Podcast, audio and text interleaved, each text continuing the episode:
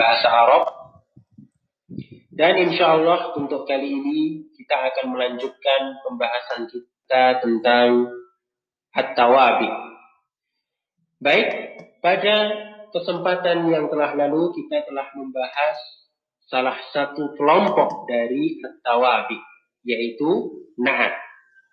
Baik, untuk kesempatan kali ini insya Allah kita akan membahas tentang kelompok yang kedua dari tabi, yaitu al-atfu atau atof. Perlu kita ulang kembali bahwasanya at-tawabi dia mengikuti i'rab dari kata sebelumnya. Ya, dia mengikuti i'rab dari kata sebelumnya. Apabila kata sebelumnya i'rabnya rofa maka tabi'nya juga ikut rofa. Ya.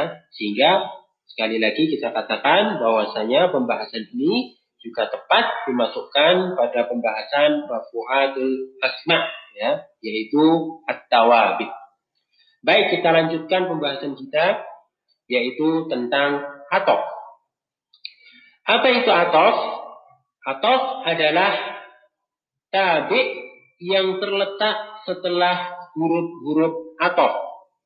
Ya, kami ulang bahwasanya atof adalah tabi yang terletak setelah huruf-huruf atof. Untuk lebih memudahkan, mungkin kita katakan bahwasanya huruf-huruf atof adalah huruf-huruf penghubung atau penyambung. Ya, sehingga mengingat atof dia termasuk kategori tabi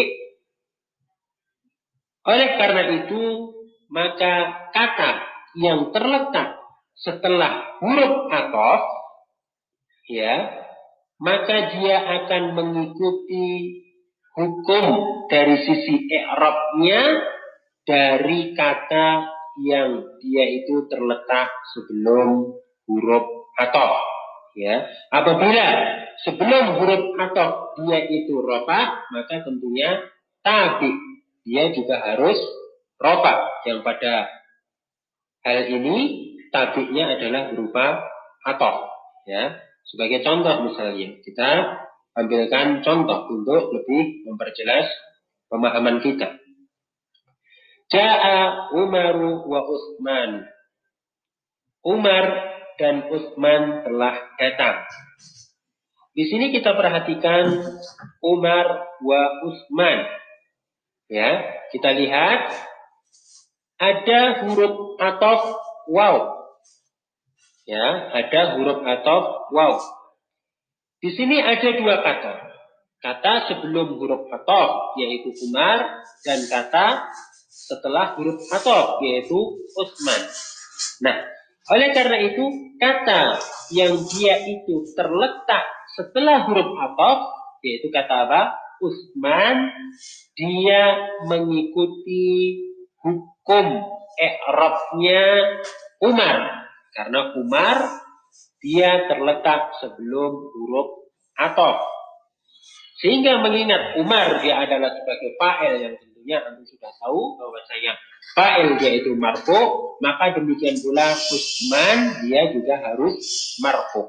Ya, kita katakan Umar dia sebagai atuhnya ya atau kata yang diatofi sedangkan Utsman dia adalah sebagai atofnya ya yaitu dia mengikuti ikrabnya Umar.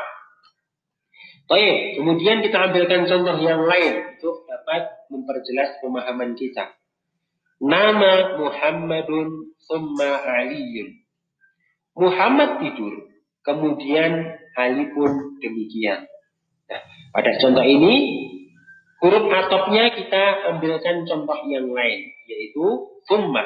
Kalau contoh yang pertama kita ambilkan wow, contoh yang kedua kita ambilkan yaitu summa.